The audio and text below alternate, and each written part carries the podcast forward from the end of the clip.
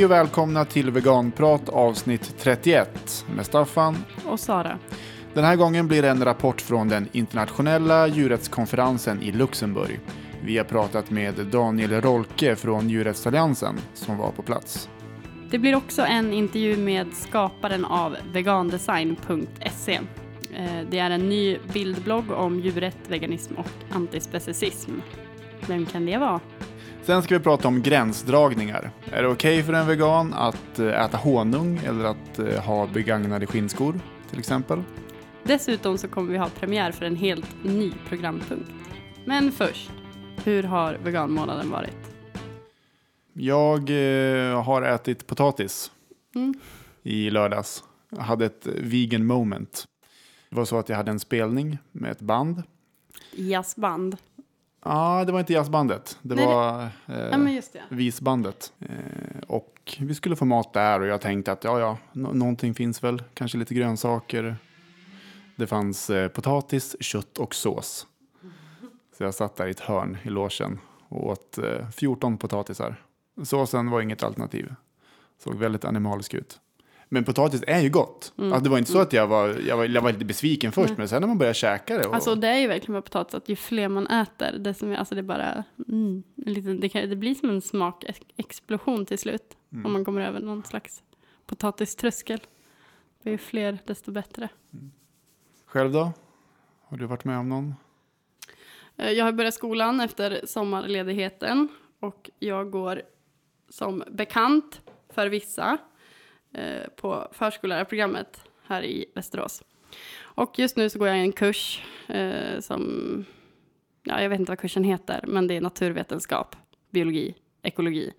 Tanken är att ja, men vi ska lära oss hur vi lär barn om naturen, djuren ja, och så vidare. Eh, Och eh, vi har lite exkursioner. Då vi gör olika studiebesök på olika ställen eh, runt om i Västerås. Och vi var på ett sånt besök förra veckan eh, på ett ställe som heter Naturskolan. Och det ligger i ett naturreservat. Och i det här naturreservatet så finns det en väldigt artrik damm. Den är så här full med olika insekter och sånt där. Vattenlevande djur. Men innan vi gick till den här dammen så fick vi papper och penna och eh, en, eh, två uppgifter. Den första uppgiften var att vi skulle rita en trollsländelarv. Så vi, ja, vi ritade en larv, jag ritade en larv, hur jag tänkte mig att den såg ut. Och när jag satt och ritade så bara shit, vad händer nu? När vi har ritat larven, kommer, vi, kommer den liksom så här, kommer vi, vi få se en bild? Eller ska vi gå ut och leta reda på en trollsländelarv? Eller liksom vad händer? Och börja känna lite så här obehagskänslor. Eh, sen så jämför vi lite teckningar och sånt där, så smyger läraren iväg. Och sen helt plötsligt bara sticker han in i en jävla så här bunke under näsan på en. Där det ligger två stycken trollsländelarver och krälar omkring i lite vatten. Och jag typ kastar mig bakåt. Eh, och bara, ja, ah. eh, känner mig så här, jag vet inte, fucking typ, eh, jag vet inte, det- känns väldigt obehagligt och eh, oväntat. Och jag vet inte, folk runt omkring tolkar det som att jag är jävligt rädd för insekter, vilket jag inte är. Men det var bara, ja, mm, det gick så fort allting, det gick väldigt, väldigt fort. Sen när vi hade gjort det så fick vi en ny uppgift att rita en dykarbagge och det var samma grej där. Eh, ingen visste hur den såg ut, vi bara ritade någonting. Och, men då så kom inte läraren fram med den här dykarbaggen, utan han ställde den här bunken på en stol längst fram och så fick man liksom gå dit och titta hur de såg ut. Vilket ja, folk gick och gjorde. Och jag satt eh, demonstrativt kvar på min stol för att jag, jag ska inte gå och titta på den där jävla specicism, jag orkar inte med det här. Men det enda jag ville det var att gå och titta på dykarbaggen. Alltså jag ville det så himla gärna, jag fick typ hålla mig i stolen för att inte gå dit. För jag tänkte att jag ska, liksom, jag ska motstå den impuls som liksom har skapat den här jävla specicistiska världen. Att vi bara kan tro att vi kan ta någon och titta på den och räkna ben och rycka loss ben och skära upp och titta inuti. Jag bara, förstår du vad jag menar? Mm. Men jag ville verkligen gå dit och titta. Jag var så himla nyfiken. Vad är det för fel på upptäckarglädje? Ja. ja. Så jag vet fortfarande inte hur en dykarbagge ser ut, men jag kan ju googla det. Men då tänker jag också, så ja, om jag googlar det, så här, bara, hur vet vi och hur har den bilden kommit till Google? Och ja, jag tänker så här, att, att, den där, alltså, att vi vet, och vet- det är för att vi har tagit den någon gång och så har vi ritat av den. Mm. Specicism, tänker jag. Med hela grejen att man, att Att man, man bara- delar in, kategoriserar. Ja, det var skumt och vi är ute och så plockar och tar hem och sen eh, efter det då skulle vi gå till den här artrika dammen och så delades det ut hovar för att vi skulle liksom hova upp och titta och sen skulle man vara jätteförsiktig så att man inte skadar djuren såklart. Man skulle lägga tillbaka dem jätte, jätteförsiktigt. Om man inte hittar ett unikt exemplar av någonting då skulle man liksom stänga in den i en liten burk och ta med tillbaka. Det säger en del om relationen mellan människor och andra djur. Mm. Mm, Men, men hur kommer du göra sen när du kommer ut i, i verkligheten, i arbetslivet och ska lära barnen om djur och natur? Och. Jag vet inte. Alltså jag börjar så här, ja, jag vet inte. I våras gick SVT ut med att de ska börja sända ett vegetariskt matlagningsprogram nästa år. Vi pratade om det i podden då, men då var vi väldigt, väldigt skeptiska, för vi trodde att det skulle låta ungefär så här. Man tar två ägg. Sådär. Lite mera mjölk. Inte glömma smöret. Ner med det. Men nu har det kommit fram att programmet kommer vara helt fritt från mejeriprodukter och ägg. Fast vissa recept kommer att innehålla honung. Ja, vad tänker du? jättebra och jätteskönt att slippa mjölk och ägg. Eh, Och bra att det fortfarande heter vegetariskt matlagningsprogram. Mm. Tänker att det kan ju stärka den här eh, idén att vegetariskt är någonting utan ägg och mjölk. Men det är också irriterande med honungen. Alltså det är... s- Mm. Jag tycker det sticker. Jo, det gör det ju. Alltså, Alla nyheter är så här. Alla vegannyheter, det är så här bara yay! Men Honung. jaha. Ja, men det, det kommer alltid någonting som bara dödar glädjen lite. Det var typ som eh, vegoköket här i Västerås. Det var också så här bara 100% vegetariskt. Bara, allt är vegetariskt, allt är vegetariskt. Bara, men vi kommer sälja honung. Det var också så här, Alltså det här med honung, det är ju... Veganer kan ju göra lite olika där. En del veganer äter ju honung. Eller det brukar ju i alla fall vara diskussioner kring om det är veganskt eller inte. biganer äter honung. Veganer äter inte honung, Staffan. Ja, Vegans. vegan. Ja. Men vi har ju ändå fått en del mejl om det här. Mm. Genom åren. Genom åren. Två års tid. Det är faktiskt två år, nej, som man kan säga genom åren. Eh, Jag tar ett exempel här eh, från Maria. Hon skriver så här. Hej veganprat. Hur ser ni på honung och bivax? Jag har bara varit vegan i ungefär ett halvår och känner inte direkt några veganer. Men jag är ofta inne på Facebook och ser allas kommentarer där. Det verkar vara minst sagt en ganska laddad fråga för många. Jag tycker inte speciellt mycket om honung, eh, så för mig är det inte ett problem. Men det hade varit kul att höra vad ni tycker.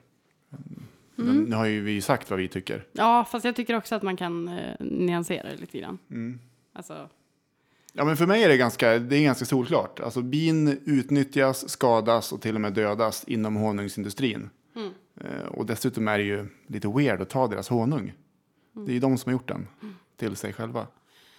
Men eh, alltså när jag blev vegan, då var jag väldigt, väldigt, alltså, jag störde mig mycket på veganer som åt honung. Jag kunde liksom bara, jag blev sur över det. Jag ska inte kalla dig vegan. Eh, ja, bara, nu så här, eh, ja, jag vet inte, jag, jag bryr mig typ inte om någon säger att den är vegan och äter honung.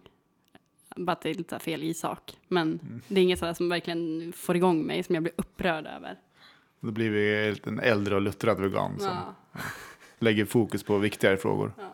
Ja. Eh, Men vi kan ju säga det att eh, The Vegan Society, som ju hittade på ordet vegan, de tog ställning mot honung på 80-talet.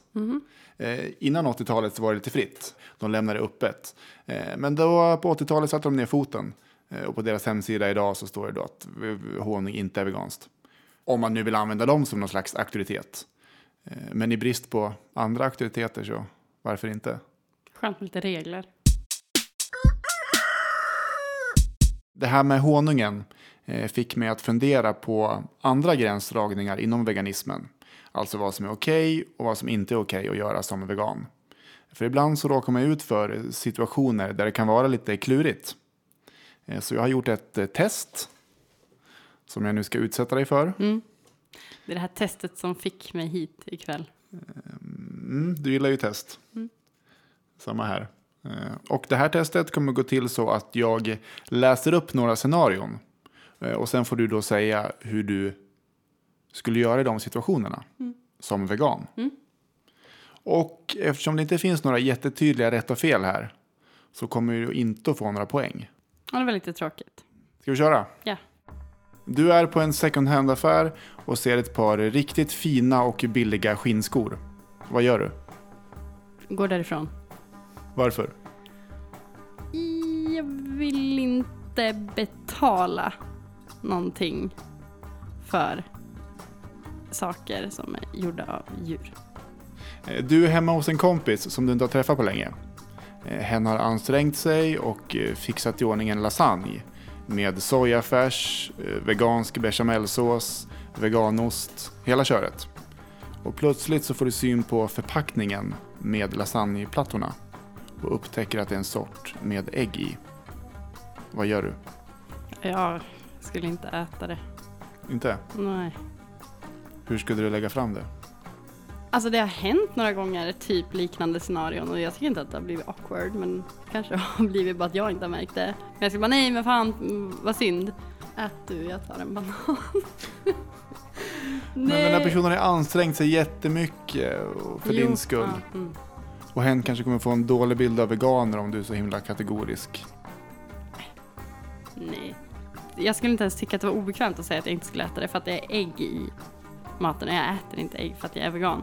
Och det var jättefint att personen i fråga ansträngt sig och eh, det kommer jag eh, ge den en puss för. Men jag kommer inte äta lasagne. Du är på krogen. Du är lite full. Eh, Din kompis kommer tillbaka från baren med två glas rödvin. Och du vet inte om det är ett veganvänligt vin eller inte. Vad gör du? Ja, dricker vin. Du dricker vinet men äter inte lasagnen. Mm, Nästa.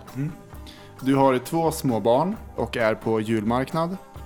Eh, Och så dyker det upp en person som är utklädd till tomte och vill bjuda barnen på godis. Eh, Och du ser direkt att det är godis med gelatin i. Vad gör du? Eh, beroende på barnets ålder. Fem sexåring får göra valet själv, under fem får, får inte äta godiset. Det här barnet som inte förstår det här med veganism kommer ju se alla andra barn ta av godiset. Ja, men nu har jag lite vegangodis i väskan. Ah, du lägger till en liten parameter. För du hade räknat med att det eventuellt skulle dyka Mm. upp en tomte. Mm. Men, Jobbigt testa. Det Ja. är inte alls kul. men inte kul. Nej, det inte kul. Ta nästa. Eh, Du är på fjällvandring och maten har tagit slut.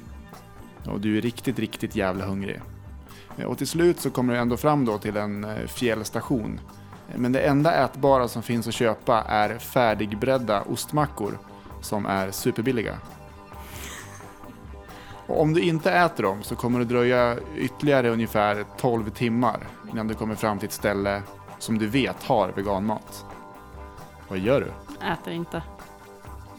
Du är jätte, jättehungrig. Mm, men jag äter inte.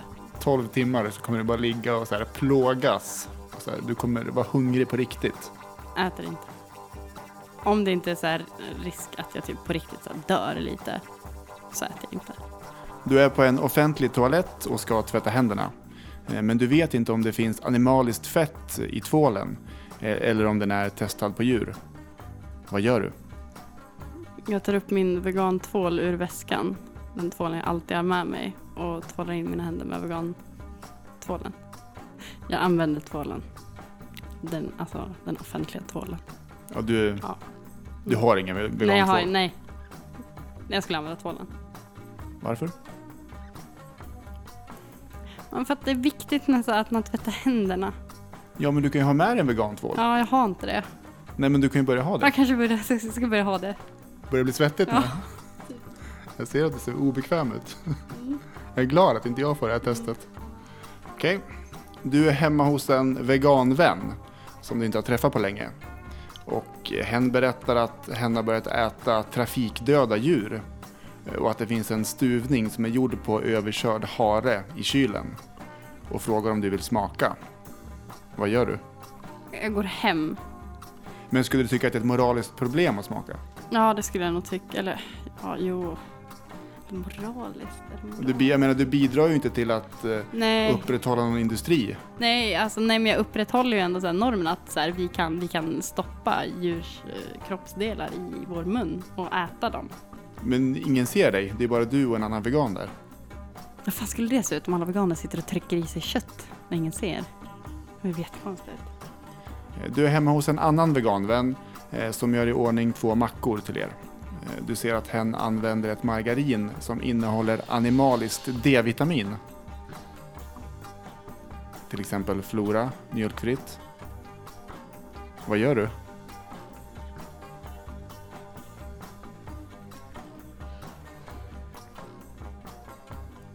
Eh, Nu vill jag gärna ha ett svar.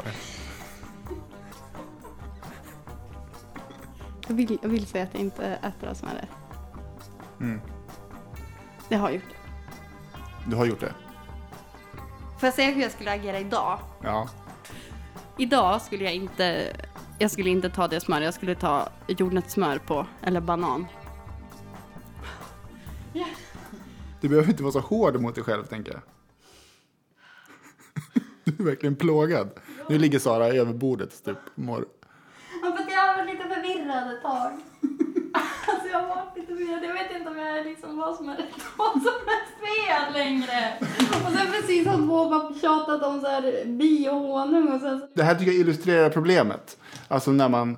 Um det är jag som måste illustrera problemet, det är inte du som måste göra det. nej, men jag tycker problemet att, eh, att det, det finns svåra lägen och, och det är ju inte alltid så här självklart. Det kanske finns det så här tydligt eh, etiskt, så här bör jag handla i den här situationen. Men sen finns det något som heter en praktisk verklighet där man ska han, hantera massor med eh, andra saker. Och de här två kommer komma i konflikt med varandra.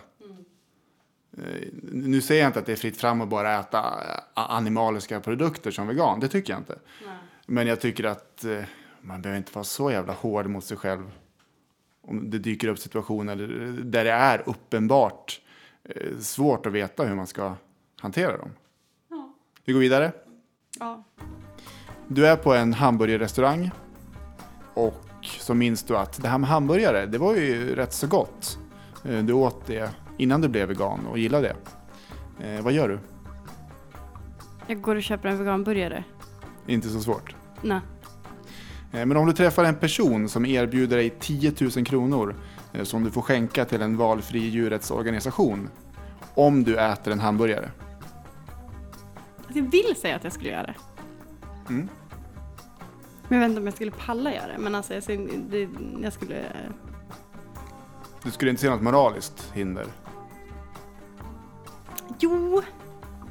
Jo, det skulle jag ju. Ja, det, är två, det står emot varandra. Principen att äta hamburgaren gentemot någon mer så här nyttokalkyl. Jag vill säga att jag skulle kunna äta hamburgaren, att jag skulle äta hamburgaren. Men jag skulle ju inte äta hamburgaren. Usch, vilket hemskt test. Är det slut nu? Ja, det var sista frågan. Ja. Ska vi se. Jag sa ju att det inte finns några rätt och fel. Ja, men Det gör är det. tydligt att det finns rätt Ja, och fel visst. Du hade en, två, tre, fyra, fem, sex av tio. Det är ändå så här, mer än 50 procent. Mm. Jag skojar bara. Det finns inget rätt och fel. Jo, det finns rätt och fel. Men vad ska man tycka om sådana här frågor? Ja, det är, det är svårt. Det är svårt. Alltså det du pratade om tidigare när vi pratade om honungen. Att, eh, jag, jag tror att det är så för många att precis när man blir vegan då kanske man är ganska strikt kring, kring sådana här saker och tänker mycket på sådana här marginella fall. Ja. Om man vill testa gränserna, vad är veganism, vad är inte veganism? Om man försöker liksom förstå det här, eh, den här eh, moraliska konstruktionen. Vad som är innanför och vad som är utanför. Och, och att det sen då blir så att ja, andra frågor kanske är viktigare. Hur, hur når vi ut? Hur får vi fler att bli veganer? Och, eh, mm, mm, alltså, Jag, Jag bara skulle- lyfta blicken lite. Medan när, ja, när jag vart vegan så tänkte jag väldigt mycket på hur jag levde. Vad jag liksom, all, alla produkter, allting Mm. hela tiden skulle vara... Alltså det, det, det upptog väldigt mycket av ens energi. Också att tänka på typ att kolla andra veganer typ. Och bara, "Ja, har du på mackan? Eller bara... Så här, det kunde bli så här väldigt störd på någon som åt flora, typ. Hör du vilka som kommer? Freeze! Vegan police! Vegan police! Jag menar att man var väldigt mycket så förut, precis som du sa. Men eh, nu... Jag har svårt att ens komma ihåg hur det var och, och, och tänka på det så väldigt många timmar om dagen. Jo, alltså nu, jag, jag blir, nu, nu blir jag mest irriterad på folk som blir irriterade på folk som ja, råkar äta animaliskt i något sammanhang och så och ställer väldigt hårda krav. Men alltså, jag måste fega här för att jag kan bli lika irriterad på folk som, eh, ja, men som går till attack mot, vad ska vi säga, eh, veganpuritaner. Ja, ja, men alltså, att man målar upp det nästan som att det är fånigt att någon vill leva efter sina principer. Det tycker jag att, eh, alltså, det, är, ett- det är ett lika stort problem. Om man börjar släppa allt för mycket, alltså börja så här slira eller så här, man kanske ändå så här, någonstans måste ha en liten veganpolis kvar som sitter och slår med batongen. Nu ska vi ta en Så blev jag vegan-historia och den här gången kommer den från Morrissey. Vi har ju diskuterat hans veganstatus tidigare och nu har han äntligen efter 30 år som vegetarian blivit vegan. Här är ett klipp från intervjun där han berättar om sin nyfunna veganism.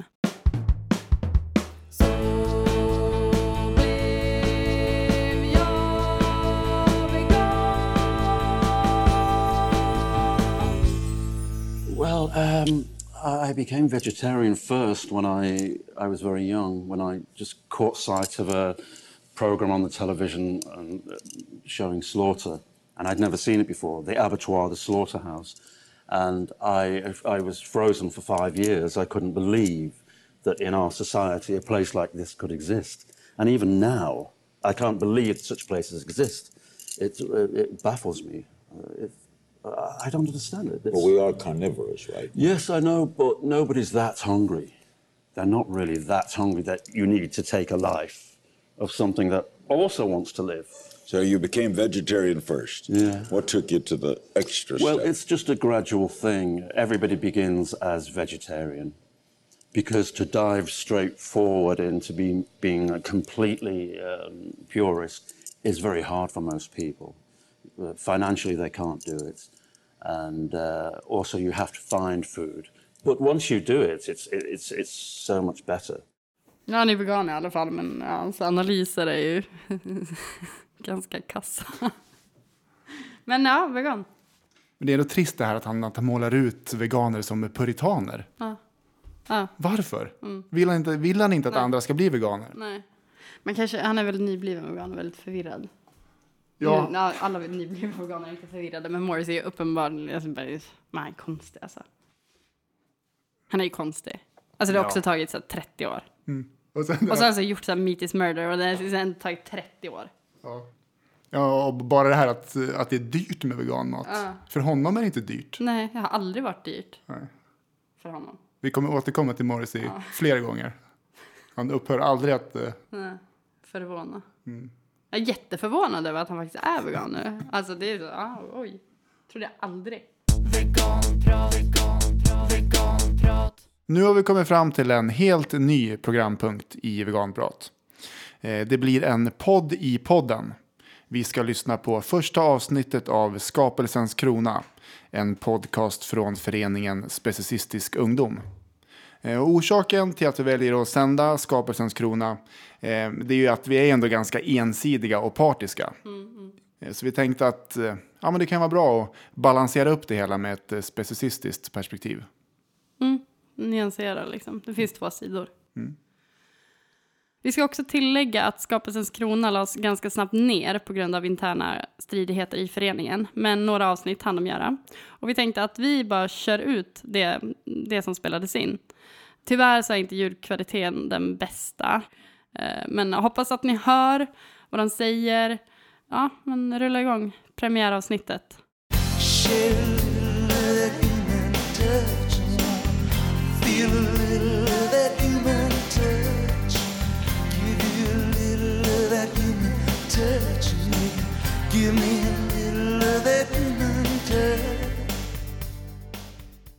Hej människa! Och välkommen till Skapelsens krona. Specicistisk ungdoms officiella podcast. Jag heter Anton Larsson och är förste talesperson. Nu ska vi se. Du och jag har en sak gemensamt. Vi är människor. Det är vi som har byggt civilisationer kommit på uppfinningar och gjort fantastiska konstverk. Men den senaste tiden har människofientliga krafter vuxit sig allt starkare i samhället. Jag pratar förstås om veganerna. De anser att det inte är någon skillnad mellan människor och djur och att människor och djur har samma värde. Vi i Specicistisk ungdom är djupt oroade över den här utvecklingen, den här attacken på människovärdet. Och nu kräver vi att fler ansluter sig till den specicistiska rörelsen. Människovärdet måste återupprättas. Okej, det var allt för den här gången. Hej då!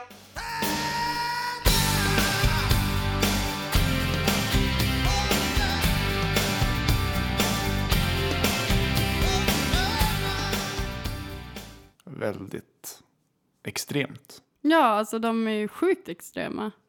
Jag tänker så här, okej att man gillar människor.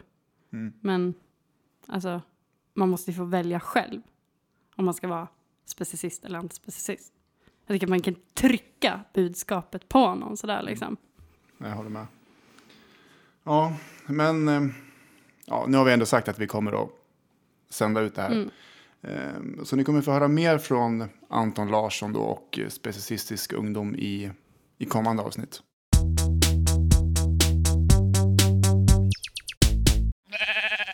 I vår syskonskara så har vi ju, alltså ett av syskonen är säga, lite bättre, lite mer begåvad än alla de andra.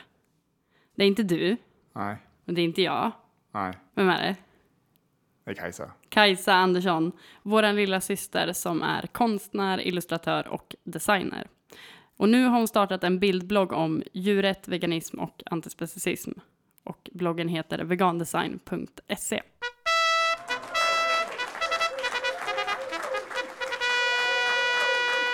Ja, vad ska man säga om bilderna? Alltså jag tycker de är alltså, hur bra som helst. Hur bra som helst. Vi har ingen distans. Alltså nej precis, Vi- det blir så svårt om vi ska sitta så här bara, ja, det är svårt att vara kritisk ja, liksom. det går inte. Det är jättebra. Ja, det är fantastiskt. Ja, men, alltså, eh, nu, och jag, jag, vi har ju lite bli- eller så här, nästan att vi har blivit vana vid att hon är så bra. Så att man kan också bli så här, ah, mm, mm. Men sen ibland om man verkligen tittar så bara, shit, bara, har min lilla syster det där? Ja, sant. Whatever. Alltså det är jättesvårt att säga, det är Ja. vår lilla syster. Alltså vi Ja. bara släpper det. Absolut. Någon, någon, någon kanske tycker att vi sysslar med nepotism här. Och det gör vi. Ja, det gör vi. Jag är ändå övertygad om att om någon annan hade gjort den här bloggen med de här bilderna Då hade vi pratat om det. i podden. Ja. Ja, jag stämde i alla fall träff med Kajsa för att prata om vegandesign. Det regnar i under intervjun. Vi står utomhus. Ni kommer höra massa regn. Men vi står under ett träd. Och först så frågar jag varför hon startade vegandesign. Nej, men jag, jag har alltid hållit på med bilder och jag är ju grafisk designer och illustratör så jag jobbar ju med det. Eh, så från början hade jag någon tanke så här, ja, men jag måste ju på något vis göra någon slags vegandesign. Eh, och jag har länge funderat på vad behövs, vad skulle jag kunna göra? Och det har väl tagit två år att komma fram till att jag, vad jag vill berätta med bilderna. Sen så tycker jag också att det skulle kunna finnas så mycket mer bilder med veganbudskap än vad som finns idag. Att det är så mycket annan reklam eller andra bilder som man ser runt omkring sig hela tiden på mjölkförpackningar eller vad som helst. Att det skulle vara skönt med veganbilder. Eh, och det är några bilder där du har, du har ritat eh, djur och så är det urklipp från några kokböcker. Hur, hur, hur tänkte du med de bilderna? Det hela började ju med att jag gick på ett loppis och hittade en eh, kokbok med så från 70-talet gissar jag, med så här gulblekta och så himla fula bilder på kötträtter. Eh, och då tänkte jag, ja men jag köper den för den här skulle jag kunna klippa ut någonting med. Eh, det jag inte visste då att sen så bläddrade jag bak liksom till receptlistorna och då insåg jag hur gammal den var för där var det så här, gå till slaktaren, be om att få det styckat, beställ i förväg, Alltså det var så mycket alltså så, vul- alltså så hårt språk. Och då tänkte jag shit det här, alltså i den kontexten så kändes det ändå inte så himla hårt men jag tänkte vad, vad händer om man sätter ett litet djur ovanför? Att man kan göra kopplingen och då känns det ju bara så här. Det är lite ont i magen, alltså jag hade lite ont i magen när jag satt och gjorde dem. Och du gjort jättefina bilder på, på lamm och, och kycklingar och så. Och så står de här eh, brutala texterna under om hur deras kroppar ska styckas upp och serveras. Med fina råd också. Det går lättast om ni använder en hushållssax. Ja. För många tror jag man har, alltså man har tappat kopplingen till att det här är djur och individer vi pratar om. Ehm, om man ser det bara som ett ting helt enkelt. Ja. Ehm, vissa bilder känns ju mer som en serie eller en sån här klassisk enruting som man kan se i, i, i tidningar. Och andra är lite mera ja, men som en tavla eller sådär. Det är väldigt olika genrer. Yes, det stämmer. Alltså det är inte som när jag sätter mig ner, då har jag oftast ingen plan. Jag sätter mig ner vid mitt skrivbord, rotar upp mina papper eh, och så får jag någon tanke i huvudet och så kör jag på den bara. Det blir liksom, och sen så det, det härliga med bilder är att så en text den ska ju vara rätt skriven. Här är rätt skriven och när man har läst den ska man tycka en sak eller mot en bild. Det kan vara också att man kan tolka det på olika sätt. Eh, vi är väldigt Alltså vi lär oss inte i skolan att eh, läsa och tolka bilder på samma sätt som vi gör med text. Så det finns eh, ja, men ett större spann på vad folk kommer tolka in i vissa bilder. Och det är också väldigt personligt vad man har upplevt, vad man läser in. Eh, och hur kommer det fungera i praktiken? Jag gör en bild och sen så lägger jag upp den när den finns. Kanske en gång i veckan eller när, när jag har något att jag vill dela med mig om. Eh, och sen när bilderna finns där så får man gärna antingen dela vidare på Facebook om man vill visa det för något. Man kan också använda det, skriva ut den själv, sätta upp på väggen, ge till en granne som man tycker behöver den. Och eh, nästa bild, hur ser den ut? En tanke är något, något med Blocket-annonser. Eh, dels finns det ju på husdjur och på kött och på all, allt, allt möjligt konstigt. Och vad folk skriver när de beskriver det är också där det finns. Där finns det mycket. Hur då? Ja men antingen om man skriver så här söta hundvalpar säljes, eh, finns att hämta. Naturbetat kött har jag sett den. Eller bra kött nyss skjutet. Och så bild liksom och bilderna på liksom så här döda, det var duvor. Tio duvor på, på rad bara. Kom, finns att hämta. Spännande, kul, kul att det har kommit igång. Ja, det känns bra. Det känns ju, det är ju jobbigt att dela med sig också. Alltså man måste komma över en gräns då att man känner att man kan visa upp det.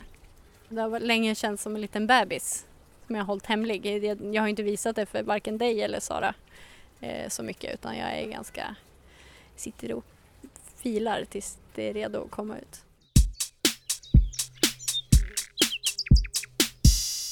Gå in på vegandesign.se och eller gå in på Facebook-sidan vegandesign.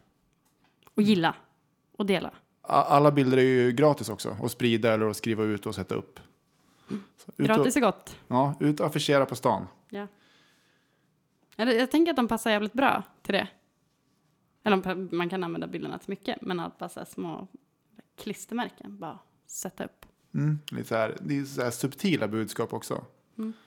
Eh, inte så direkta utan att man kanske på nästa kan så här få Mm. sjunka in i människor. Gilla det. Då ska vi till Luxemburg.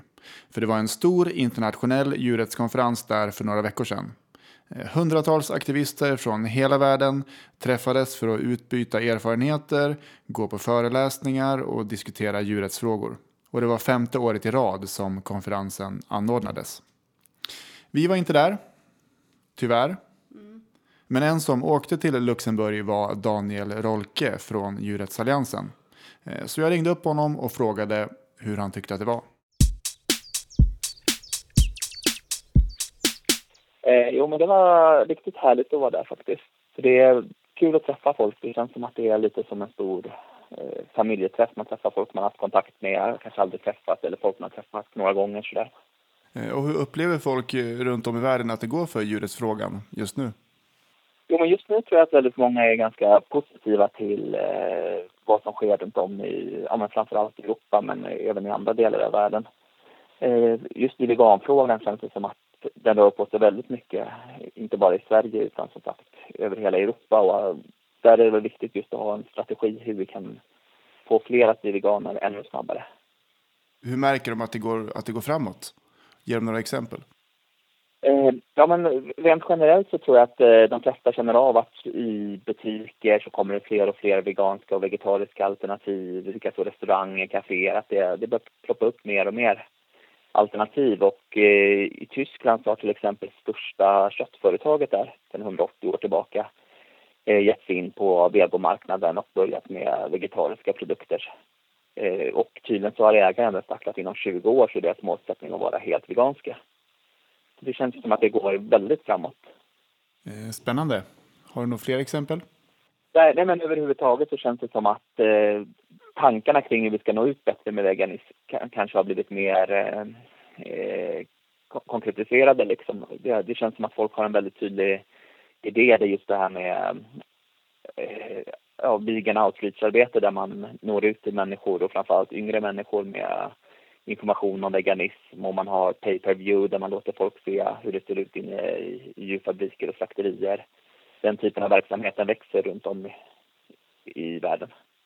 Vilka frågor diskuterades mest då? Var det just veganfrågan eller?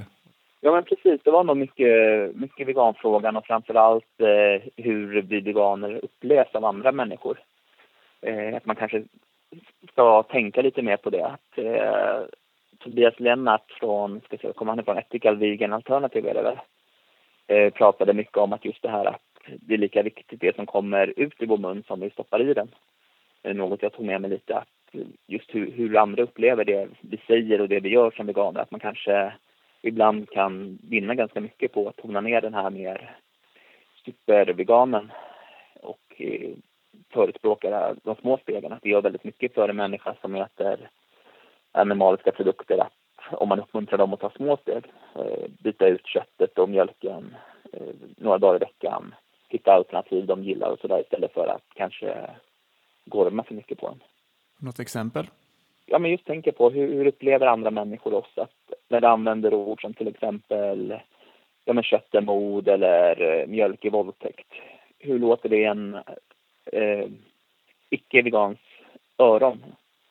hur upplever man om vi säger sådana uttryck? Att man kanske kan beskriva det på andra sätt som får folk. Man behöver kanske inte jämföra olika typer av förtryck om man ska säga så. Man, man kanske kan uttrycka det på ett sätt som får folk att ändå köpa hela grejen utan att ta illa vid sig. Att just de här jämförelserna kanske är djurfabriker i koncentrationsläger, att det finns väldigt många som kanske tar illa upp av det.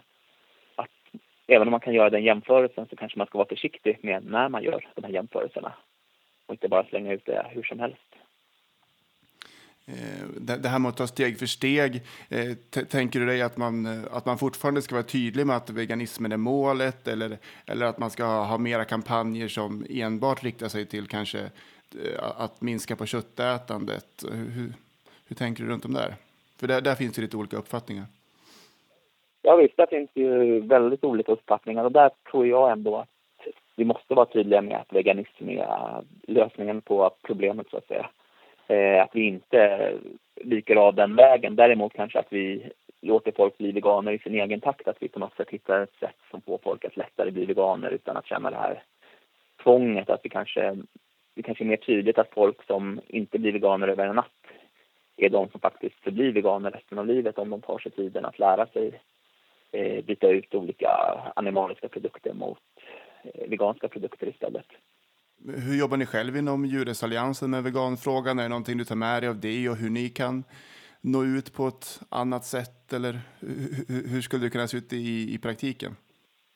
Ja, jo, men det finns så mycket som man skulle kunna ta med sig därifrån. Eh, framförallt i hur vi upplevs. Jag tror att den, den delen är väl det som vi kanske tar med oss, hur man, Eh, hur man eh, uttrycker sig framförallt kanske texter i sociala medier och likaså lite vilken typ av bilder man använder sig av. Tydligen så har ju Farm Sanctuary i USA gjort en hel del undersökningar kring det och tydligen så är det så att de bilder som i alla fall folk i USA tar till sig mest av så är det eh, någon, någon mellanläge. Inte de mest extrema och hemska bilderna och inte heller de gulligaste bilderna utan det är någonting där, någon mellanläge, det är det som folk tenderar att dela mest på Facebook till exempel och ta åt sig mest av.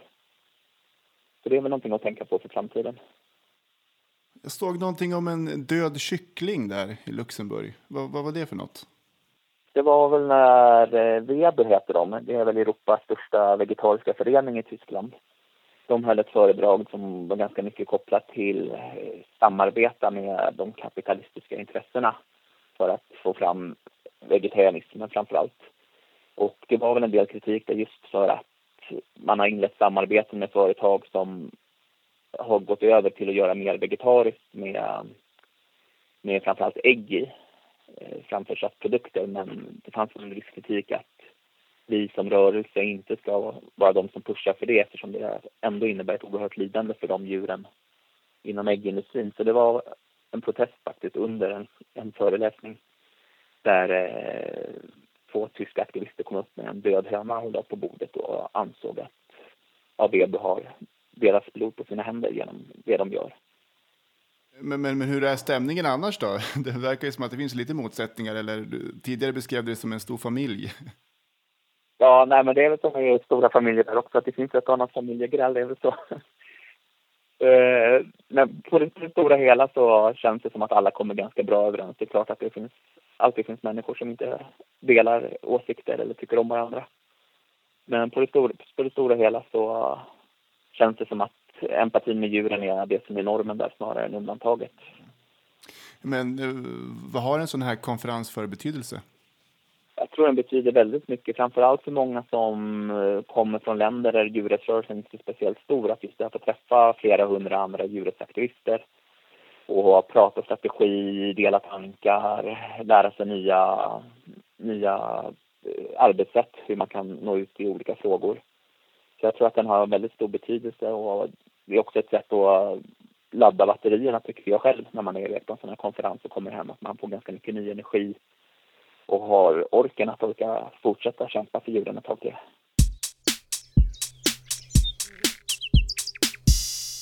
Jag tycker det var jättebra aktivism där med hönan. Kanske inte hade varit så bra i, i, så offen, offentligt eller på en allmän plats kanske. Men i det där sammanhanget tycker jag det var jättebra protest.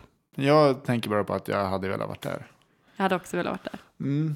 Eh, Men roligt också att eh, veganfrågan verkar vara så het. Mm.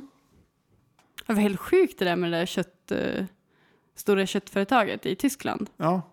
Och det känns lite som att förut var ju diskussionen inom djurrättsrörelsen typ om vi ska pusha för veganism eller inte.